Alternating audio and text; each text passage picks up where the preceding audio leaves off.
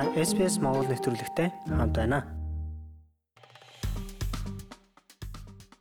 Сайн байцгаана уу сонсогчдоо. 7 хоног бүрийн баасан гарагт бид Австрали дахь ковидын нөхцөл байдалтай холбоотой мэдээллүүдийг багцлан танд хүргэдэг. Өнөөдөр буюу 5 дугаар сарын 20-ны баасан гарагт Австрали даяар 47 хүн халдварын улмаас нас оржээ. Үүний 23 нь Викториад, 10 нь Нью Саут Вэлс мужид, харин 9 нь Квинсленд мужид байлаа. Western Australia халдварын тоо өндөр хэвээр байна. Өнөөдөр гэхэд 15205 хүн халдвартай гарсан байна. Харин өчигдөр 17105 хүн халдвар авсан нь ойрын үеийн хамгийн өндөр халдвартай өдөр байсан юм а. 304 хүн эмнэлэгт хэвтэн эмчилүүлж байна. 5 хүн амьнасаа алджээ. Харин New South Wales мужид 4-р сарын 4-өөс хойш хамгийн бага хүн буюу 1226 хүн эмнэлэгт хэвтэн эмчилүүлж байна. Харин Австралийн Capital Territory-д энэ тоо өсөх хандлагатай байна. Тэнд өнөөдрийн байдлаар 84 хүн хэвтэн эмчилүүлж байна. Маргааш буюу 5 дугаар сарын 21-нд холбооны сонгуул болно. Харин яг энэ өдрүүдэд ковидын халдвар авсан хүмүүс саналаа хэрхэн өгөх тухай зөвлөмж гарчээ.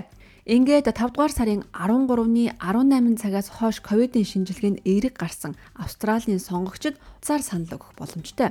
Тэд 5 дугаар сарын 20-ны баасан гарагт орон нутгийн цагаар өглөөний 8:30 минутаас орой 6 цаг хүртэл сонгуулийн өдөр буюу 5 дугаар сарын 21-ний бям гарагт орон нутгийн цагаараа өглөөний 8-аас оройн 6 цаг хүртэл саналаа утсаар өгч болно. Австралид COVID-19-ийн 6.7 сая тохиолдол бүртгэгдэж 7926 хүн нас барсан гэж эрүүл мэндийн газраас мэдээллээ. Вирусээр халдварласан хүмүүсийн дундаж нас 31 нас баралтын дундаж нас 83 байна. Энэ тооцоог 2022 оны 5 дугаар сарын 18-ны 15 цагийн байдлаарх датад үндэслэн гаргажээ. Австрали улс өнгөрсөн 7 хоногт хамгийн олон халдвар гарсан дөрвөн улсын нэг болжээ. Саут Австралийн мужи 5 дугаар сарын 28-нд олон нийтийн вакцины жуултын өдрийг зохион байгуулах гэж байна.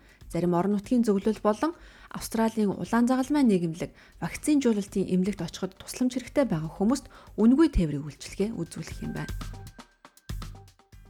New South Wales мужийн засгийн газар ковидын үед гэрээсээ суралцах хугацаа дусснаас хойш багаангийн сурагчдын тоо бодох чадвар сайжрлаа хэмээн мэдгдлээ. Дунд сургуулийн сурагчид 2020-21 оны хөл хорионы үеийн хичээлийн хоцрогдлыг нөхөхөд урт хугацаас шаардаж байна гэж тэд мэдгдсэн.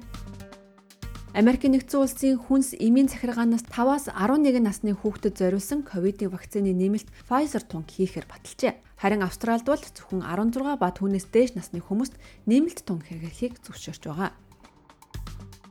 Дөрөв дэх тунгийн ашиг тусыг үнэлэхийн тулд илүү их мэдээлэл шаардлагатай байна гэж Дэлхийн эрүүл мэндийн байгууллагаас мэдэгдэж байгаа.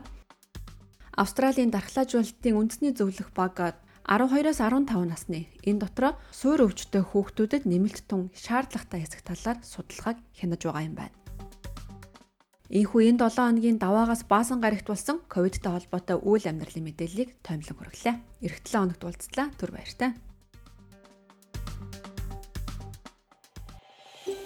Үүнтэй адилхан бусад нэвтрүүлгийг сонсомоор байна уу?